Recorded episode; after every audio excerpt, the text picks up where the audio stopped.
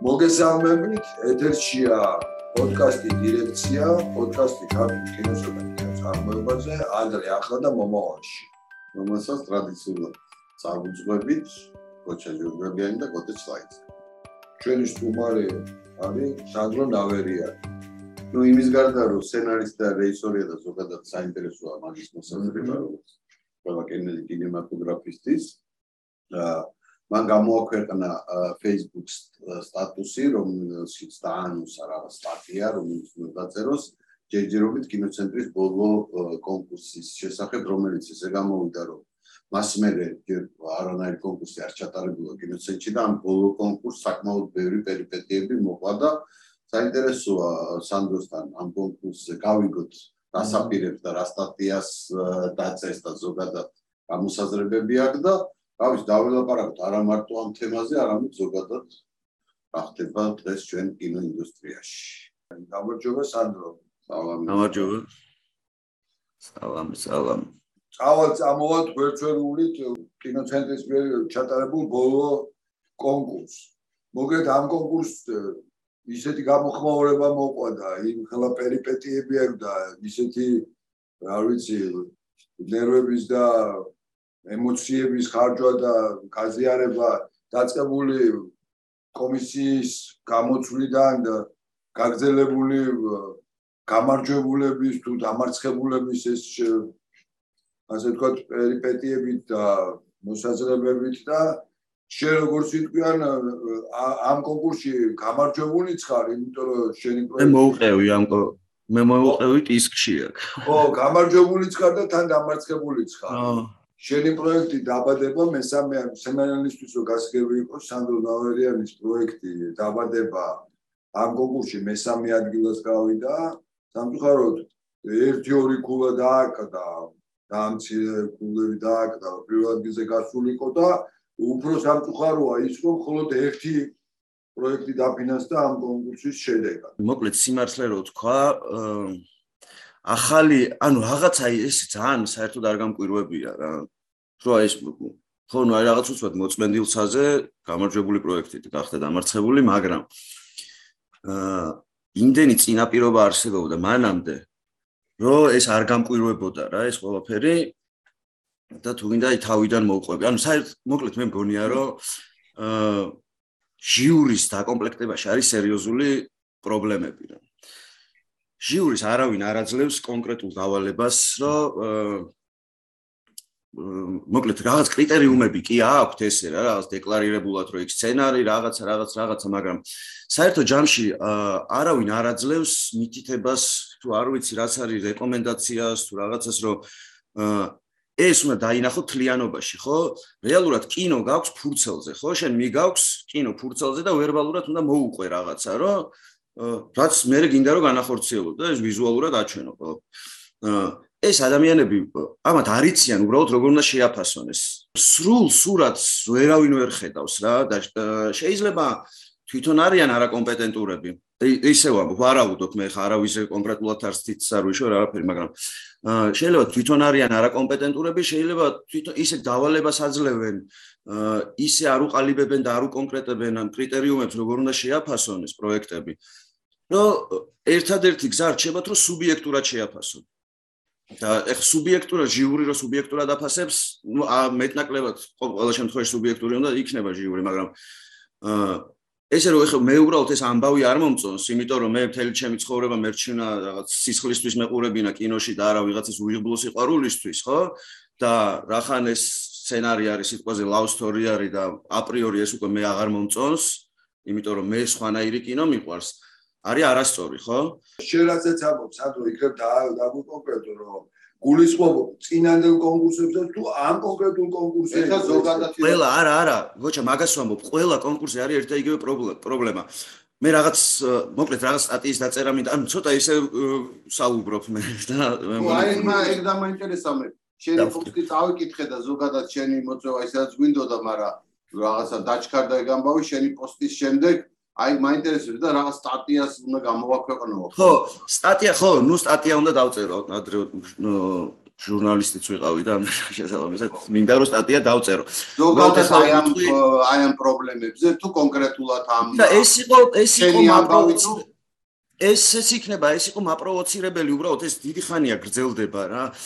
ეხა ცოტა ძალიან მიჭირს მართლა ამ სტატიის დაწერა, იმიტომ კი არ ვიცი რა უნდა დავწერო, იმიტომ რომ ვიცი რომ ვიღაცებს ეწყინებათ და ეწყინებათ აა ჩემ ახლობელ ადამიანებს რა და მართლა მიჭირს არ მინდა რომ ვაწყენინო და აი რაღაცა შეიძლება ერთი ბოთლი ღვინო მჭირდება იმისთვის რომ პროსტა გამოვაქვეყნო ეს რამე მართლა. და უბრალოდ ესე არ მინდა რომ დავწერო რომ რაღაცა რაღაცა ხდება და იქ სახელი და გვარი არ იყოს ვიღაცის და ასე შემდეგ. იმიტომ რომ ძალიან კონკრეტულად უნდა იცოდეს ყველამ რა რაც ხდება. და აი რა ხდება სანდრო კიდე აი შეგიძლია იმესმის რომ სტატიას თუ ერთზე აქაც არ გინდა ალბათ მაგ სახელების ხო ეხა არა ეხა სახელებს არ მაგრამ კარგი ზოგადად რაც ხდება არის ის რომ ეს არის სისტემა რომელმაც იცის როგორ იმუშაოს იმ ადამიანებთან ვინც არის ამ სისტემაზე დამოკიდებული. ანუ დამოკიდებული რა ვისაც ჭირდება ამ სისტემ ამ სისტემამ რომ ფული მისცეს და ასაზრდოს გრანტები მისცეს.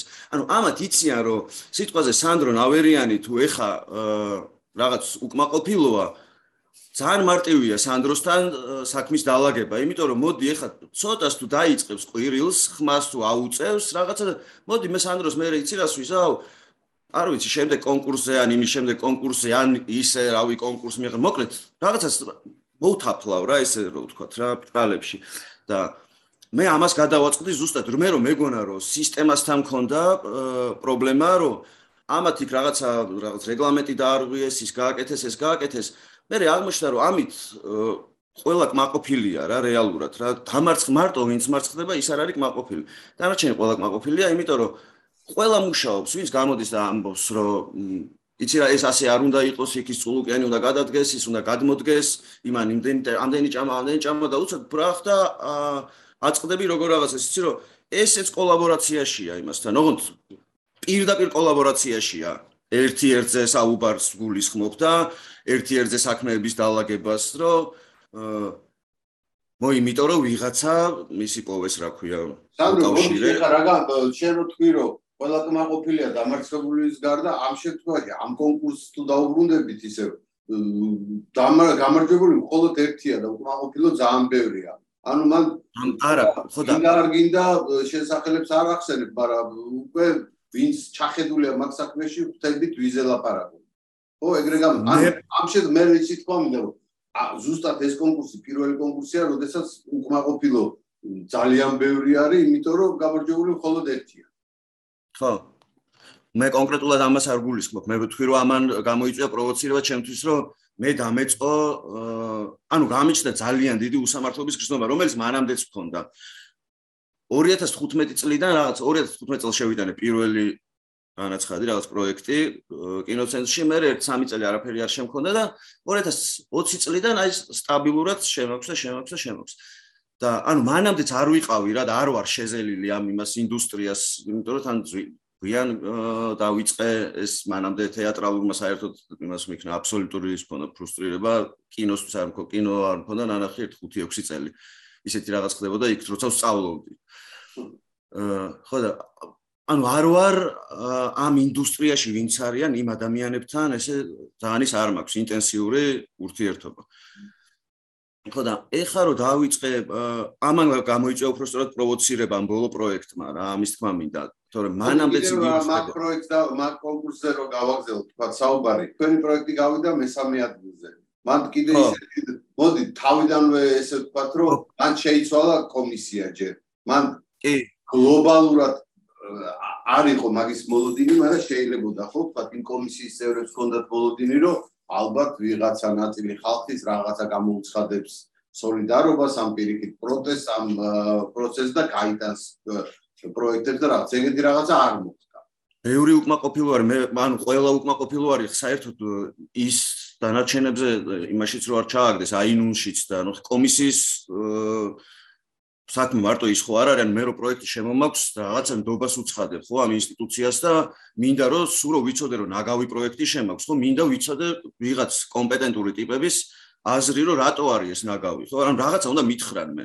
რატო დამიწერეს 1 ფულა, რატო დამიწერეს 9 ფულა და რატო დამიწერეს 5 ფულა.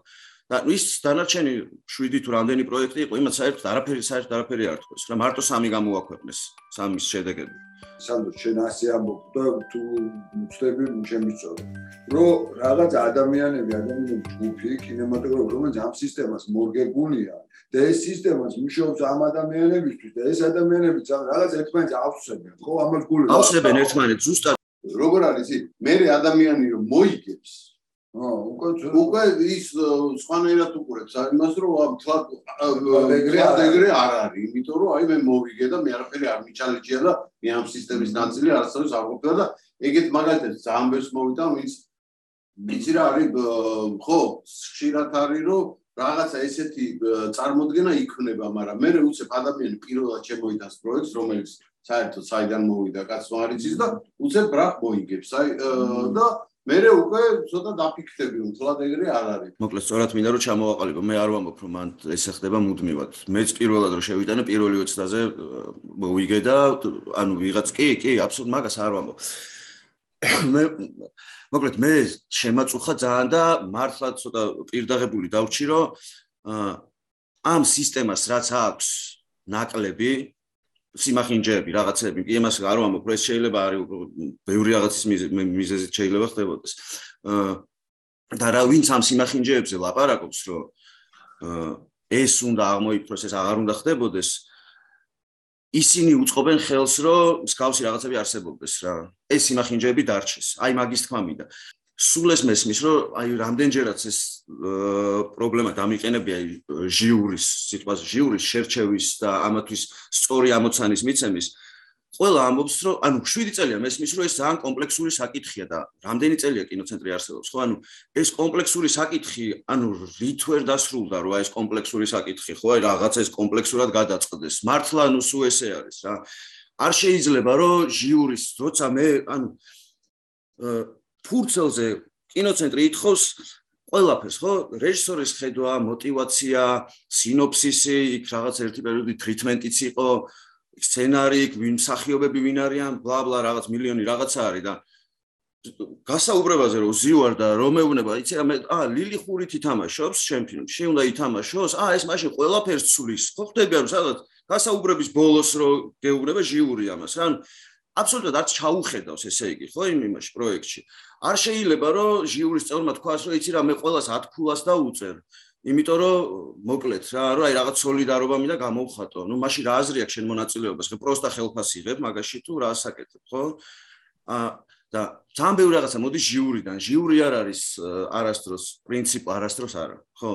ხშირ შემთხვევაში შიური არ არის პრინციპული, ну ამ ნეპოტიზმზე და იმაზე საუბარი ხო, ну ეს ის არის ჩვენ ყველგან არის, როგორც მთელი ქვეყანა ეგრე მუშაობს სამწუხაროდ რა და ну ვერ გაიქცევი, ხა ვერ იპოვი აქ საქართველოში, არ ვიცი 10 ადამიანს, რომელიც კინოინდუსტრიაში არის და ვიღაცები პროექტში 30 პროექტი რო ხო გადაშევა განაცხადი რომ გაკეთება იქ ვიღაცას რაღაცა არ გამოუწევს გადაკვეთები არის ხა გინდა ხო ნუ ეგ გასაგები მაგას ვერ გავექცევით უბრალოდ. მაშინ უნდა ჩამოიყვანო ვიღაც უცხოელი ჟიური იმათ უნდა უთარგმნო რაღაცები და მოკლედ მილიონი რაღაცა ხო და ეს ეს ჟიური არის პრობლემა რა არ შეიძლება ჟიური იჯდეს და ამბობდეს რომ ელდა შენგელაიას მე ვერ დაუწერ დაბალ ქულას. როცა ეს ჟიურის წევრი არის მართლა რაღაც საკულტო ფილმი გადაიღო და ვიცი არ მინდა მართლა არ მინდა მინდა რომ სანდო რა მინდა იცი გითხარ რომ მესმის რასაც ამბობდა ხო გეუბნები ეგ იმდენა იმდენჯერ ნალაპარაკები და ისა და გეთახვევი რომ რითი ვერ გადაწყაი შენ ფიქრო გაკ მაგალითად მე არ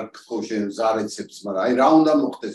თუ იმაზე გიფიქრია რომ ეს არ ვარგა როგორ ვარგა იგიცი იმიტომ რომ ძალიან ბევრ ადამიანთან მისაუბრია პირადად დღეს და ბევრ შეხვედრაზეც ყოფი ვარ, მათ შორის ოფიციალურზე კინოცენტრში იყო რამდენიმე წლის თუ გასოზეს პასის პარკის მოძრაობამ გამოიწვია საკმაოდ ისეთი რყევები და კარგი რყევები ჩემი აზრით საინტერესო პროცესები დაიწყო, თუმცა მე რაღაც ეტაპზე გაჩერდა ეს, თუმცა აი ბილიონი აზრი იყო და საბოლოოდ მაინც დავჭით იქ სადაც ვარ. იცვლება ხოლმე ხა ხუთკულიანია, ხა ნათკულიანია. მეტი ესეთ პრინციპული ცვლილება ვერ ხდება, იმიტომ რომ რო უყურებ სხვა ქვეყნების გამოცდილებასაც იქაც ეგრე. ხო, კოდე მესმის არ ვიცი რა არის ესე რომ მე მქონდეს დაალაგებული ჩემთვის როგორი შეიძლება იყოს კონკურსი რომ მე შედეგებმა ხო არა მე კი არ ხო რომ არა არა ვიცი რა თქმა მე მგონია რომ მე მგონია რომ ესე რაც ზედაპირზე რაც არის როგორც მინიმუმ ეგენი უნდა ეგ პრობლემები უნდა მოგვარდეს. ესე ხო არ გეჩვენება რომ ეხა განა რამე პოლიტიკა საერთოდ პოლიტიკის არ ქონას თან გვაქვს საქმე. იმიტომ რომ რეალურად პირველი დირექტორია და პირველი მენეჯმენტია მოდი ესე ვთქვათ რომელსაც არ აქვს ხედვა და პოლიტიკა როგორი უნდა იყოს ეს სამსახური და საერთოდ ქართული კინო საით მიდის ეს დღეს ეხლა ეხლა რა ეხლა რა უახლოეს აქ არ არის რაღაც დიდ სტრატეგიაზე. და შეიძლება ტაქტიკაც არ იყოს რომ საშუალო ვადიან პერსპექტივაზე იყოს. სულ და ოპერატიულ გეგმაზე იყოს შეიძლება ლაპარაკი. ოპერატიულ ერთწლიან, ორწლიან, სამწლიან გეგმაზე რომ აიხა just აიხა რაც ვაპირებ და ეს სამწუხაროდ ჩვენ არ ვიცი ალბათ საკრალური ადამიანებია, მცირე ადამიანებია, ისინი ვისაც მენეჯმენტთან ურთიერთობა აქვს რა და მე მუშაობ კინოზე, სპორტში. შენ მუშაობ, მაგრამ რამდენად მომაგათო მენეჯმენტთან რომელიც აბსოლუტურად რაღაცა ჩემი აზრით ნებოში წელები არიან რა, სადღაც ზეცაზე ცხოვრობენ ელიზიუმში და რაღაცნაირად კარგ გავიგე ჩემი აზრი გასაგები. ხო, ხო, არა, არ გეჩვენება ეს ეს ამ დროს შენასი. არა, ეხლა საერთოდ მეჩვენება კი არა, ეხლა ხედავ რომ ანუ აბსოლუტურად არანაირ მნიშვნელობას არ ანიჭებენ. არ ვიცი, შიგნით რა ხდება, არ ვიცი, მაგრამ ესე გარედან ეს ანუ აბსოლუტურად არაფერი, ანუ არანაირი ის აღარ ენიჭება რა მნიშვნელობა. არაფერი არ არის, თქვა, ანუ კულტურის პოლიტიკისთვის. ხო, დღეს რაც ხდება, ანუ არაფერი არანაირი არაფერი საერთოდ, იმიტომ რომ დირექტორი როგორც ვიცი, ჯერ კიდე არ მისულა ამ კინოცენტრის, ხო? აა აი ყველანაირად ვსადე ამ ამ ტიპთან შეხვედრა მართლა ოფიციალური წერილით თავისთავად ამ წერილის მერე ნაცნობებით პროსტა შეხვედრა რომ მე აი მაინტერესებდა რა მოხდა რა უბრალოდ რომ დავლაპარაკებოდი ვიღაცები შარ ნუ პროსტა არ შეხვდა აზრი არა აი ესეთ გაბისირი მომდიოდა რა მე რა აი ხა ესე თქვა მაგას აზრი არა აქვს და აზრი რას არ აქვს ტიპთან კი არ მივდივარ და იმას კი არ ვთხოვ მე ფული მომეცი მაინტერესებს რა ანუ რა ხდება ვაში რატო მოხდა ეს ეს კონკრეტული ამ იმას ვამბობ დებიუტის კონკურსი. ხო და ნუ აი არა ის მაგრამ ბოდიში აზრი შეხვედრასო? ხო. იმიტომ რომ ანუ როგორც ჩანს რა თქონიათ რომ ეს შეხვედრები ყოველთვის არის იმაზე რომ უნდა გამოძალო ფული რა მოდი რა მომეცი აი მოვეცი შეხვედრა გამოხვიდე იქიდან. ხო და ახსქვევით რაღაცა მომეცი და რეალურად მართლა შეხვედრა გარკვევა გვინდოდა პროსტა რა ხდება რა რატო მოხდა ეს იმიტომ რომ დღემდე არ ვიცი აი მართლა ვერ ხვდები რა მოხდა რა იქ ჟიურის ჩახსნა რაღაცა ის პროექტი უბრალოდ პროექტი თინა ყაჯიშვილის პროექტი ჩახსნეს იმიტომ რომ ჟიურის წევრთან ისა აქვს რა ქვია აა ინტერესთა კონფლიქტი და ეგ ინტერესთა კონფლიქტის ვაფშე რა იყო საიდან იყო მოტანილი ეგეც არ ვიცი აა იმის მაგივრად რომ ჟიური მოხსნა და არა პროექტი ხო აი რაღაცა სრული სისულელეები მოხდა. ჩვენ ხო არ ვიცით მართლა ეხა ესეთი ამბავია რომ პოლიტიკა არ არსებობს, ანუ შეიძლება არსებობს სადღაც რაღაცა იწერება და უცებ ამოვიდეს სულ ახალი რაღაცა შემოგთავაზო, რომ ოპ, აი ახლა იეზუიტი აი ამ თამაშის წესები ვითამაშოთ, მოდი რა. აი შეიძლება ფიქრობენ, მაგრამ შეიძლება არ ფიქრობ, მე ნამდვილად მაგ ინფორმაციაზე თქმა არა მაქვს ამ ეტაპზე, მაგრამ თქვა და შემოვიდა ეგეთი ვერსია, რომ მოდი დავაფინანსოთ თემატიკ თემატური კონკურსები შემოვიტანოთ. აი, მაგაზე რას ფიქრობთ, მაგაზე საკმაოდ საინტერესო ჩემ თავთანაც ბევრჯერ და სხვებთანაც მისაუბრია. ის ამის არღის აიგეთი იმას დასვლა, თქვა, სიც დასვლა. არ ვიცი, კოტე, იცი რა არის, ისე ვიქ მივდივართ, რომ ვინ ამ თემებს ვინ აარჩევს? ხო, მაგაზე არის. არის. ხო. ხო და ეგ არის პრობლემა, თორემ იყოს, არ ვიცი რა, ისტორიული ფილმის გადავიღოთ, მაგრამ არ ვართ ჩვენ, ხო, არც ჰოლივუდი ვართ, არც ბოლივუდი ვართ, არაფერი არ ვართ, რომ ჩვენ გქონდეს ესე ასარჩევად, რომ დავემოდე წელს ერთი 100 ფილმი გადავიღოთ საქართველოს ისტორიაზე, 100 გადავიღოთ რაღაცა უტოპია, 100 რაღაცა, რაღაცა, რაღაცა. და არ ვიცი, ვინ არჩევს ამ თემებს, ახლა თუ ვინც ამ პოლიტიკას ატარებს, ისინი თუ არჩევენ, ჩვეულებრივი პროპაგანდის ხერხი ხდება. მოდი გულახდილები ვიყოთ, რომ კონიუნქტურა არსებობს და ყველა ფილმი ახლა რაღაცა განსაკუთრებით სადაც რასაც ქვია state money და სახელმწიფო ფული მონაწილეობს იქ რაღაცა მესიჯი ფარული ღია თუ რაღაცა მაინც მონაწილეობს სადაც რა კუთხით იცი რომ ეხლა ძალიან დიდი პრობლემაა დაივერსიტის თემა რა, რო აი მრავალფეროვნება, რომ რაღაცა თემები ისეთი შემოვიდეს, უფრო მიტოლერანტული საზოგადოება რაღაცები და ხა ეს აი კარგად იგზნობა გინა სერიალი იქნება ფილმები იქნება ეს ასე ვთქვათ ეს სულისკვეთება სულ სულ მოდის. დასავლეთში პირველ რიგში ხა ძალიან მაგონებს თუ გახსოვთ საბჭოთა კავშირში შენ ცოტა ახალგაზრდა ხარ სანდრო მაგრამ საბჭოთა კავშირში რო იყო ფილმები გმირები აი რაღაცა ჯგუფი რო იყო იყო ერთი უზბეკი ერთი ქართველი ერთი რუსი ერთი უკრაინელი ერთი რაღაც აი საერთო იმას დაივერსიტის ანახები რა განსხვავებულობას და ამავე დროს რაღაცა ერთობლიობას. ეხაც იმის თემაში ძალიან ბევრი შემოდის, ხო, ეს რაღაცა უმცირესობების თემა, რაღაცა ცოტა განსხვავებული ადამიანებს მიიღება. ეგ მე მგონი უფრო საფესტივალო კონიუნქტურას მორგება, არ ვიცი. მოდი, რადგანაც შენ შენი დისფილმის სცენარისტი ხარ, ხო? ხო.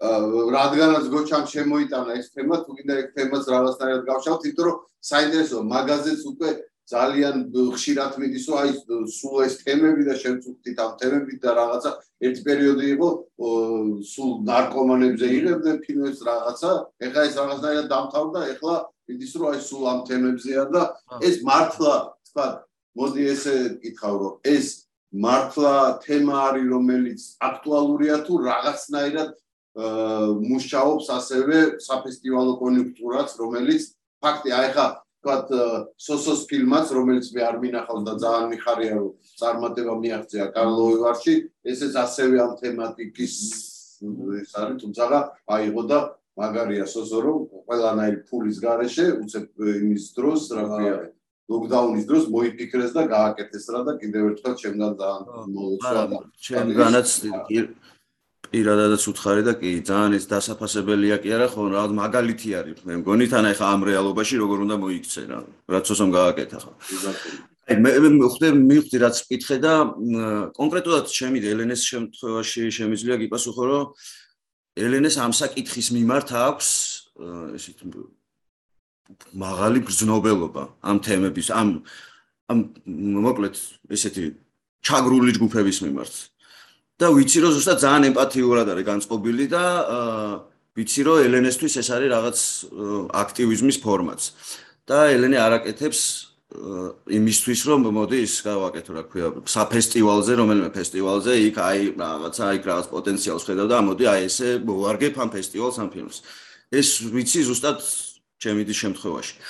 და ისეც მე მგონი პოპულარული და ის გახდა და მოდა კი არ არის უბრალოდ ვაფშე ადამიანებს გაუჩნდათ მე მგონი უფრო მეტი მგრძნობელობა და უფრო მეტად დაინახეს ეს ჩაგრული ჯგუფები. და უფრო მეტი პრობლემა დაინახეს მათში და ზედაპირზე მანამდე სიტყვაზე ხა 20-30 წლის წინ რაც ჩანდა და და სტიგმატიზებული იყო რომ სიტყვაზე ხო არ გეებზე ფილმი არ უნდა გადაიღო ლესბებზე ფილმი არ უნდა გადაიღო ამაზე ამაზე. ანუ გათავისუფლდა რა ეს თემა რაღაც იმეებისგან რაღაც კლიშეებისგან მარწუხებისგან და შესაბამისად უფრო მეტი პრობლემა უფრო მეტად შევიდნენ ამ ადამიანებთან თანაგზნობაში რეჟისორებით მწერლების და ასე შემდეგ რა ვინც რაღაცას ქნის ხო? და მე მგონია რომ ეგ არის ამის მიზეზი.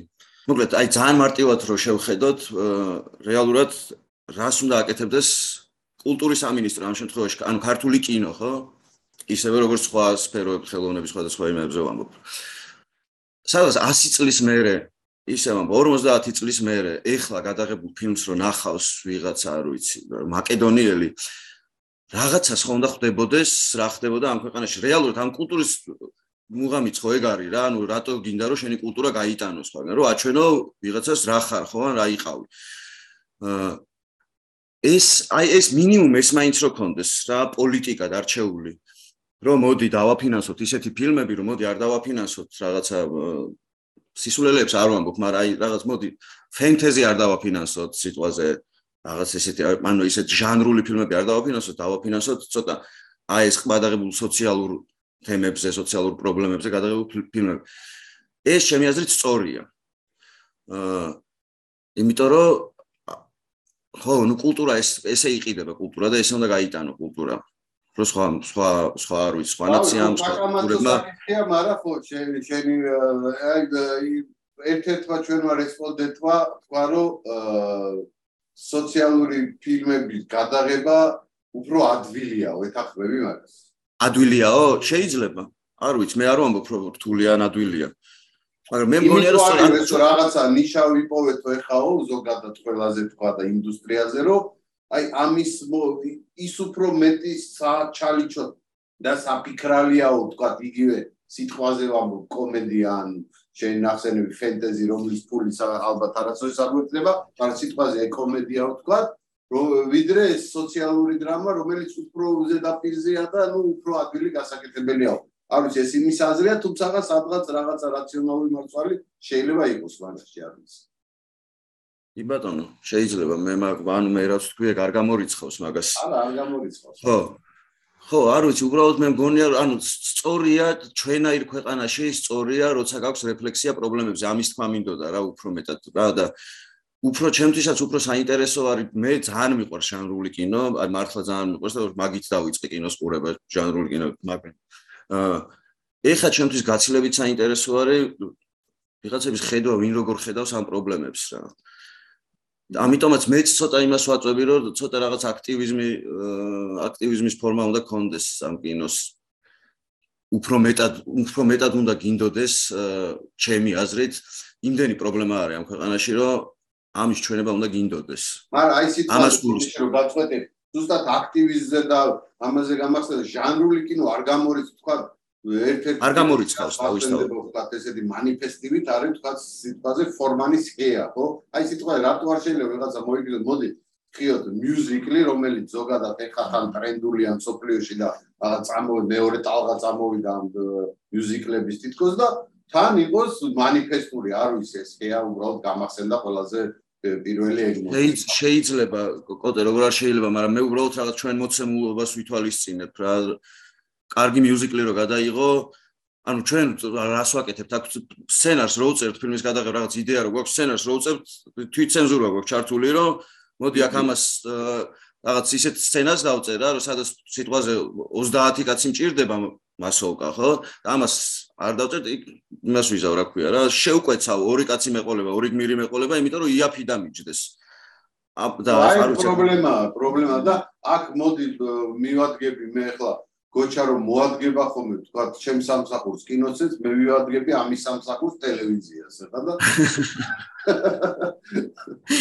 ვიტყვი რომ არა ზოგადად ესეც ხო არის რომ რაღაცნაირად მე ესე ვხედავ რომ რადგანაც და იმედია კინოცეც როდის მე ბიუჯეტი გაეზდება და მე კი პოლიტიკაზე დავიდან დაიწყება ლაპარაკი მაინც რაღაცნაირად სხვა ისინიც არსებობს ხო წყაროების და ერთ-ერთი შეიძლება ტელევიზია იყოს რომელმაც თქვათ თუნდაც მეინსტრიმული წელიწადში ერთხელ აი ეს ჟანრული კინო დააფინანსოს. რატო არა? რატომაც არა? ნიშა დაიჭიროს თქვათ ტელევიზია. და ტელევიზიას ამ შემთხვევაში ტელევიზიას ბევრად უფრო მეტი რესურსი აქვს და ბევრად უფრო მეტად და უკეთესად შეუძლია ეს უზრუნველყოს ვიდრე კინოცენტრს თავისი ბიუჯეტით.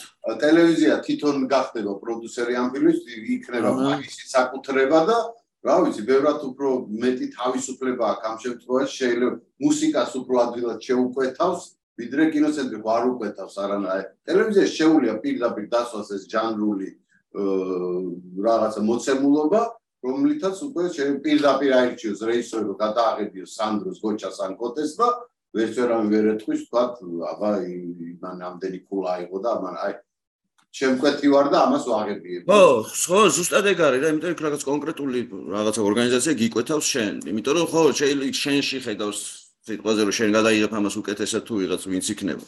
თან ეგ გამორიცხავს კიდე იმას რისი თქმაც მინდოდა კიდე აა მაგალითად როცა შენ გაქვს ბიუჯეტ ანუ რაღაცა შედიხარ კონკურსში და გაძლევენ და შენ გაქვს მოთხოვნილი სიტყვაზე ვამბობ 10000 და გაძლევენ 10000 და სადღაც ერთ წელიწადში ადგები და ამბობ რომ მეიცირე ეს 10000 არ მეყო.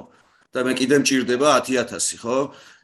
ეგეც ხო სერიოზ და მე აძლევ შენ ამ 10000 და ამას რო აძლევ ამის გამო მომავალში პერსპექტივაში ვიღაც სხვა იჭყიდებ იმიტომ რომ იმას აღარა აქვს აღარ არის ბიუჯეტში ფული რომ ის ხო ნუ აი ახლა იყო ეგეთი შემთხვევა რომ რაღაც აა დაუმატეს 800000 რა. 800000 და ანუ წარმოიდგინეთ ჩვენ ვითხოვდით 425000 რომ გადაგვეღო ფილმი მართლა რა. ну და იქ რაღაცა კიდე სადღაც 100000 თუ 150000 ევრო გქონდა რაღაც მოკლედ კოპროდუქცია გვაქვს და სიტყვიერი შეთანხმება გქონდა ხო და ეხლა 800000 დამიმატე მართლა რეალურად ორი ფილმის ბიუჯეტია ხო? ორ ადამიანს ეხლა სოსომ რაც გააკეთა ბლიაძემ ხო? ეხლა სოსოს რომ ის ეს ფილმი შეიძლება 6 ფილმი გადაიღოს. ხო და აი იქო იცი რა იყო რომ იმათ რუსი ისინი ყავდაო რა ქვია რუსული კოპროდუქცია ქონდაო და იქ ომი დაიწყო და იმათ არ მისცესო და ეხლა იმას მანამდე იმიტომ მისცეს ის ფული რომ რუსული კოპროდუქცია ქონდა ხო? და ის თუ აღარ არის მოდი ხა მოდი ჩვენი დანარჩენს ჩვენს მივცეთ ჩვენი ფული მივცეთ ამას და სხვა პროექტების ბიუჯეტებიდან დავაფინანსოთ არ მოსულა პროსტა რა და რეალურად ერთ-ერთი მიზეზი აი ამ დებიუზე რაც მოხდა ეგეც იყო რა. იქ ვიღაცამ 300000 დაიმატა ვიღაცამ 100000 დაიმატა ვიღაცამ 200000 დაიმატა. და ნუ გაარი ეხა ეს 2 მილიონი არის ან გეთახვები ხო სისტემურ ხასიათი შეიძინა მაგრამ უსისტემობამ შეიძინა სისტემური ხასიათი რა. ზუსტად ეგ რა ძალიან დიდი პრობლემაა კი ტელევიზიასთან დაკავშირებით ორი სიტყვით მინდა ვახსოვთ ესე იგი ტელევიზია ისეთ საქმიანობაში აღნა შევიდეს, სადაც კონკურენტული უპირატესობა არ ეკრება. განგულისხმობ, რომ ტელევიზია მონაწილეობს პროექტების შექმნაში და ფულს ბევრს ოღონდ სატელევიზიო ფილმები, რომელსაც მოკლე დროში იქნება გადაღებული და ანუ ცოტა მოკლე სასუცო ციკლი ექნება. ეგეთი უკვე თესუფლეში გადავიდა სერიალები ფაქტიურად, ხო? ამიტომ არა მარტო მოდი ესე ვთქვა. ხო, ნუ ხალხური ფილმი იმ გაქირავების პირობებში რა ჩვენ გვაქვს, რა დისტრიბუცია ჩვენ გვაქვს, ფულის ქვეყანას. სადაც აქტიურად ჩვენი მაყურებელი ონლაინ არის და ძალიან მცირე არის წილი ფიზიკურად მისვლა და ყველა დადის ატრაქციონზე რა. იქ კინოს სპეციალისტების და ვიწოთვის მეტი არავინ ა გამოსავალი არის სერიალების მაქსიმალურად ჩადება. მაგ ჟანრის დაწვეთ შეიძლება. და პლუს ყველაზე მთავარი რაც არის, რომ იმ ადამიანების მუდმივი სამუშაოთი უზრუნველყოფა, ვინც ამ საქმიანობაშია ჩართული. აბსოლუტურად სერიალების სულ სხვა თემაა და მაგაზეც მე სანდოსად ვკითხოთ, იმიტომ რომ ვიცი რომ რაღაც პროექტი აქვს და ეგეც მაინტერესებს რა სტადიაზეა და როგორ არის, მაგრამ იმაში არ დაკეთა ფილმების ფინანსება ტელევიზიების მიერ. არაერთი ქვეყანა როგორც კოპროდუქცია. მან ძალიან მნიშვნელოვანია არა მარტო კოპროდუქცია. ის ფილმი შენ დღემდე რო უშვებ ძველ ქართულ ფილმებს ახალ წელს განსაკუთრებით. შენ შენი ფილმი არა გაქვს საერთოდ ან გეკნება ფილმი რომელიც შეიძლება 10 წლის მერეც გაუშვა და 40 წლის მერეც გაუშვა და მოგეთ ისეთი ხო საკამათო თემა ტელევიზიო ფილმი მაგალითად წელს გააკეთა ებრალიცე კი ბატონო საახალწლო რომელიც რომელიც ცუდი სულაც არ იყო რა თქმა უნდა. თუმცა მგონია რომ შეიძლება ბევრად უფრო სხვა ლეველის ფილმის გაკეთება არა სატელევიზიოსი რომელსაც ასევე სიტყვაზე ახალწლ არ ვიცი მე ხა კაპრას და იმას მოვიყავ თქვა ახალწლზე თუ ლაპარაკობთ რომელიც არის შეიძლება 40 წლის მერეც უყუროს ვიღაცებმა იმიტომ რომ მაგარი გაკეთე მაგრამ კარგი მაგას თავი გავანებოთ და გადავდოთ სერიალებს და დაუბრუნდეთ პრინციპში სერიალების გამოცდილება მე ხლა მაშინ თქვა ერთმანეთს ავიცნობით მაგრამ საშენი სახელიც უმესმოდა GDS-ში მეც მუშაობდი რაღაც პერიოდი შე და მაკედან ანუ ეგ გამოცდილებაც გააქვს პრინციპში ხო? იგივე აი რასაც ვლაპარაკობდით ტიფლისი პრინციპში მეინსტრიმული კინოს მაგალითია. კი. და მეინსტრიმული სერიალის, რასაც თქვა გოჩა ლაპარაკობს რა. და თქვა აი ეს და აი ამაზე რა სიტყვი თქვა და შენი გამოცდილება თქვა ისიც აი რაღაც აუ ძალიან ბევრ რაღაცაზე მინდა და ლაპარაკი, მაგრამ მოკლედ ჩემი ADD ცოტა იმას დავხტუნავ ესე რა მართლა მიჭირს კონცენტრაცია ხოლმე. თან ერთ კაცზე მეტი თუ მიყურებს ვაფშე მე. არა მის აი მოკლედ ანუ იცი რა სერიალებზე სერიალები არის იდეაში ის ანუ აი ტიფლისის წერა პანიკის garaშე იყო კიდე მანამდე. ეგ არის რამაც დამაბრუნა დამიბრუნა კინოს სიყვარული. ანუ ძალიან მიყვარდა კინო ჩავაბარე თეატრალში 99 წელს ნახევარი წელი ვისწავლე და წამოვედი. შეიძლება ეს ცოტა ჩემი ნიჰილისტური დამოკიდებულება რაღაცა უფრო ის რაღაც ზაფრად ქონდა, მაგრამ ნუ რეალურად ვერაფერს ვერ ვაკეთებდი. რეალურად დღეს ჩემი ჯგუფი, ვინც ვიყავით, აა მე მგონი არავინ რეჟისორი არ არის რა. კი რაღაც კინოსთან აქვს ეს რა ქვია შეხება, ვიღაც მონტაჟზე არის, ვიღაცა იმაზე, ამაზე, მაგრამ ნუ აი რეალურად ისე დაიშალა ჯგუფი, რომ აი რა გამოგფიტეს რა, არ მინდა ხე ლექტორის სახელის თქოს და 2007 წელს კიდე ჩავაბარე, იმიტომ რომ მესმოდა რომ აი რაღაცები შეიცვალა, რაღაცა ტექნიკა აქვს, ისა აქვს, ესა აქვს და რომ პირველივე ლექციის მე აღარ ყოფილვარ, იმიტომ რომ პირველივე ლექციაზე ზუსტად ზუსტად იგივე ტექსტი, ზუსტად იგივე. ჯეიმს ვუდსი ცხოვრობს ერთ ოთახიანში. აი ეს მახსოვს როგორც 99 წელს კონსულტაციები იყო იქამდე ლექციებამდე ხოლმე საფხულში პირველ კონსულტაციაზე აი ეს მითხრეს რომ კინო ისეთი მონსტრი რამეა და ისე შეგჭამს და რაღაცა რომ აი ჯეიმს უცი ესაც ერთ ოთახიანში ცხოვრობს ნაკირავებში მართლა გეუბნები. ბავშვებს ვიცავ და 2007 წელს ლექცია იწყება ზუსტად ამით იყო სხვა ლექტორი არის ვაფშე და მაგის მერე არ ყოფილა და მართლა როგორ ის ქონდა ის 2013 წლამდე კინოს აღარ უყურებდი საერთოდ. მაგრამ აი რაღაც ის ქონდა რომ უყურებდი გული მწყდებოდა რომ აი მოკლედ და ამ სერიალებით სერიალებს ვაფშე სხვა რაღაცას ვაკეთებდი ჩვენი GDS-ში ლიტერატურული უწონადობა იყო გადაცემა და პროს შემოგთავაზეს ხო არ დაწერთ სცენარს. და მაქედან წავედი და ძალიან ასწორებს სერიალის სცენარის წერა ასწორებს ძალიან მაგრად. აი არ ვიცი რასაც გინდა და როგორც გინდა რო აკეთებ რა მაქედან დავბრუნდი და ანუ ეს სულ ქონდა მე მე და ეს ალექსა ჩიღვინელის ჩემ მეგობარს ძალიან ბევრი სერიალის ის ანუ რაღაცა მინი ბიბლიები დავწერეთ პილოტები ისინი ესენი რაღაცები არ გამოდიოდა. ეხლა რავი აი პირველ არხზე მოეწონათ რაღაც დისტოპია.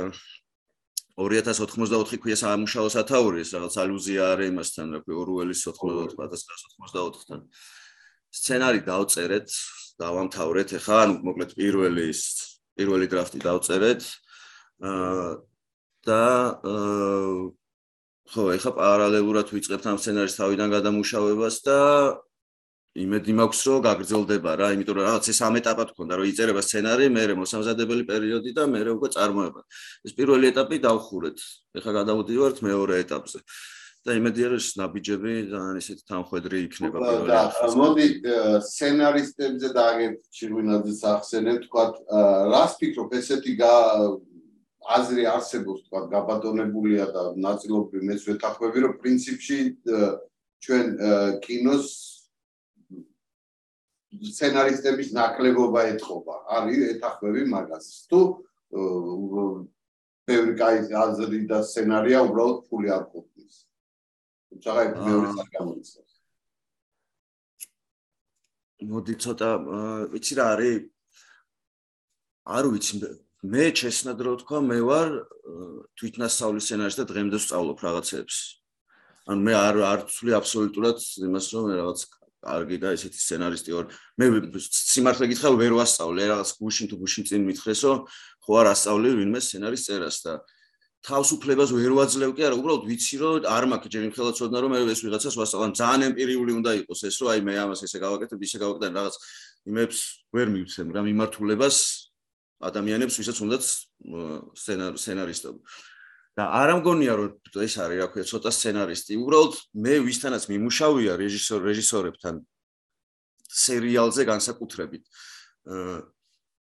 ართმობენ უბრალოდ ხვდები თავის რაღაცა იდეებს რომელზეც შენ შენ გიქირაობენ და გეუბნებიან რომ მე მინდა აი ამისგან გავაკეთო რა რაღაც გამოვთალო სალამური შენ მეუბნები რომ აი ამისგან აი ეს სალამური არ გამოვა ის ვერთმობს რა თავის იმიტომ ეს მისი აკვიატებული იდეა შეიძლება ის არის ვაფშე თავარი რაღაც ღერძი რისკ საიდანაც წამოვიდა ეს ხო ვაფშე საიდან ფრაზებიდან ჩნდება ხოლმე ხო რაღაც იდეები და მე მაქვს ეგ გამოცდილება რომ უბრალოდ ვერთმობენ რაღაცეებს და მე ამბობენ რომ სცენარისტი არ ვარგა.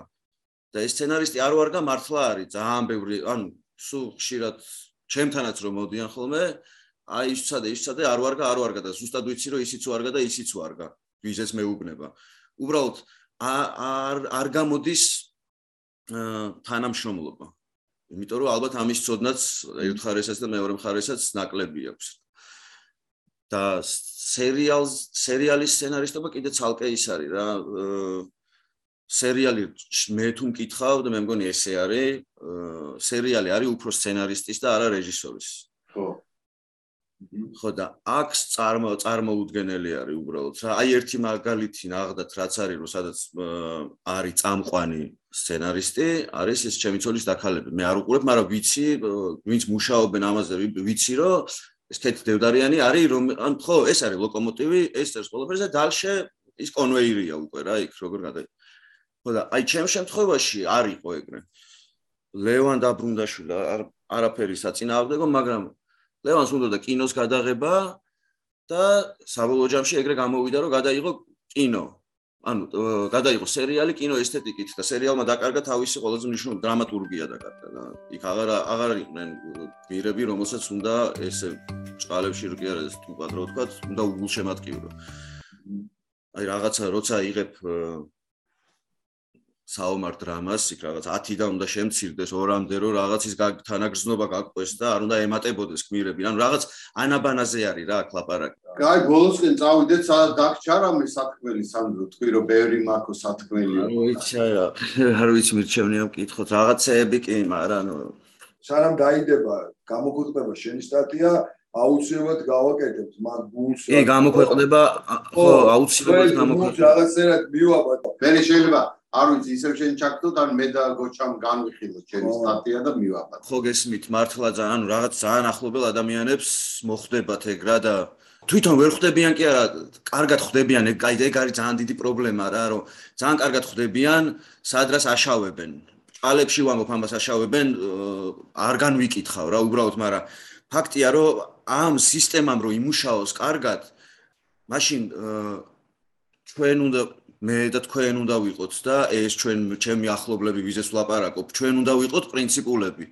და ჩვენ რო არ ვართ პრინციპულები ძალიან მარტივია ჩვენი აი ლავირება ჩვენთან უკვე ამ სისტემისთვის. და აკეთებს ყველაფერს. ყველაფერს კი არა აი მართლა ესე არის წამოწოლილი არის და უბრალოდ გადაკოტრიალდება გადმოკოტრიალდება რა. და საითაც კომფორტულია იქით არის და ნებისმიერ შემთხვევაში სადღაც არის რა კომფორტული ამათთვის და ეგ უნდა გავაკეთოთ რა. ვერ იმუშავებს ეს სისტემა თუ ამ სისტემას ვინც ვისაც ჭირდება რომ ამ სისტემა მიმუშაოს, ისინი იქნებიან პრინციპულები და მე მეუწევთ ამათას გადმოწყობა. ეგ არის რა მთავარი პრობლემა მაგაზე მაგაზე უწერ ამ სტატიას და უბრალოდ არის იქ ვიღაცების სახელები და გვარები. მაგრამ დავლევ იმ ერთ პოთხუინოს და დავდებ აუცილებლად. მაშინ სტატიას დიდი მადლობა და კარგად. კარგად, კარგად. მარი იყო სცენარისტი რეჟისორი სანდრო ნავერიანი, წარმატებას გისურვებ. ნახვამდის ნახვამდის მადლობა სანდრო